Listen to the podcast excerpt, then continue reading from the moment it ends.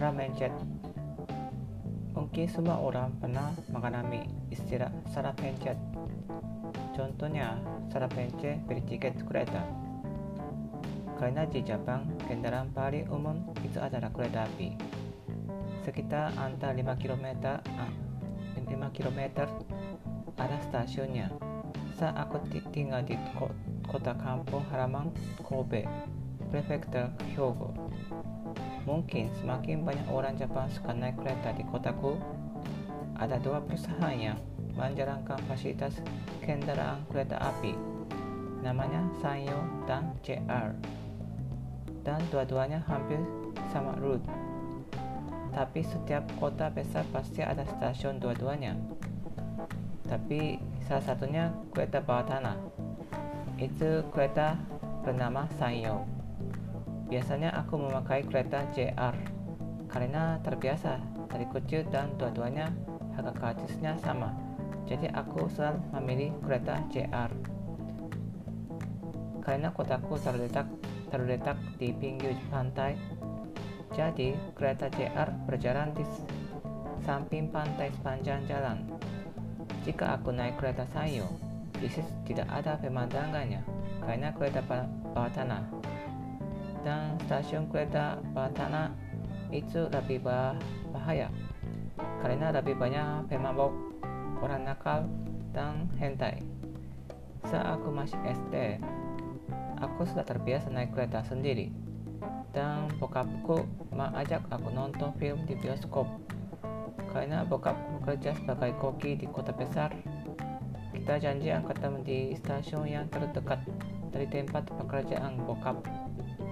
Dari rumahku stasiun tujuannya sekitar 20 km. Kalau aku naik kereta kurang lebih 20 menit 20 menit sampai tujuannya. Tapi aku saking senangnya waktu itu. Aku salah mencet tombolnya dan keluar karcis sayo. Dan aku naik kereta itu untuk pergi ke tujuannya. Saat itu aku tidak keberatan karena kereta sayo pun tujuannya hampir sama. Saat itu aku turun dari kereta dan keluar dari stasiun. Saat itu aku terkejut karena pemandangannya sangat berbeda. Aku langsung panik mencari bokap, tapi tidak bisa ketemu dengannya. Lama itu tidak ada HP, jadi tidak bisa berkontak saat keluar dari rumah. Aku mencoba memikirkan cara memecahkan masalah itu, dan aku mencoba telepon rumah dan bercerita kepada nyokap. Saat itu dia bilang padaku, kasih tahu aku kamu sekarang di mana? Apakah ada patokannya? Aku melihat sekelilingku dan aku melihat sebuah kepiting besar yang berkilau yang menempel di dinding restoran makanan kepiting. Tujuan dibuat kepiting besar itu adalah untuk mengiklankan tokonya. Aku kasih tahu kepada nyokap, ada kepiting besar. Dan nyokap bilang, oke kamu nunggu di situ ya. Beberapa menit kemudian, bokap menghampiri aku dan bokap bilang padaku, kamu turun pintu keluar yang salah arah. Oh, begitu.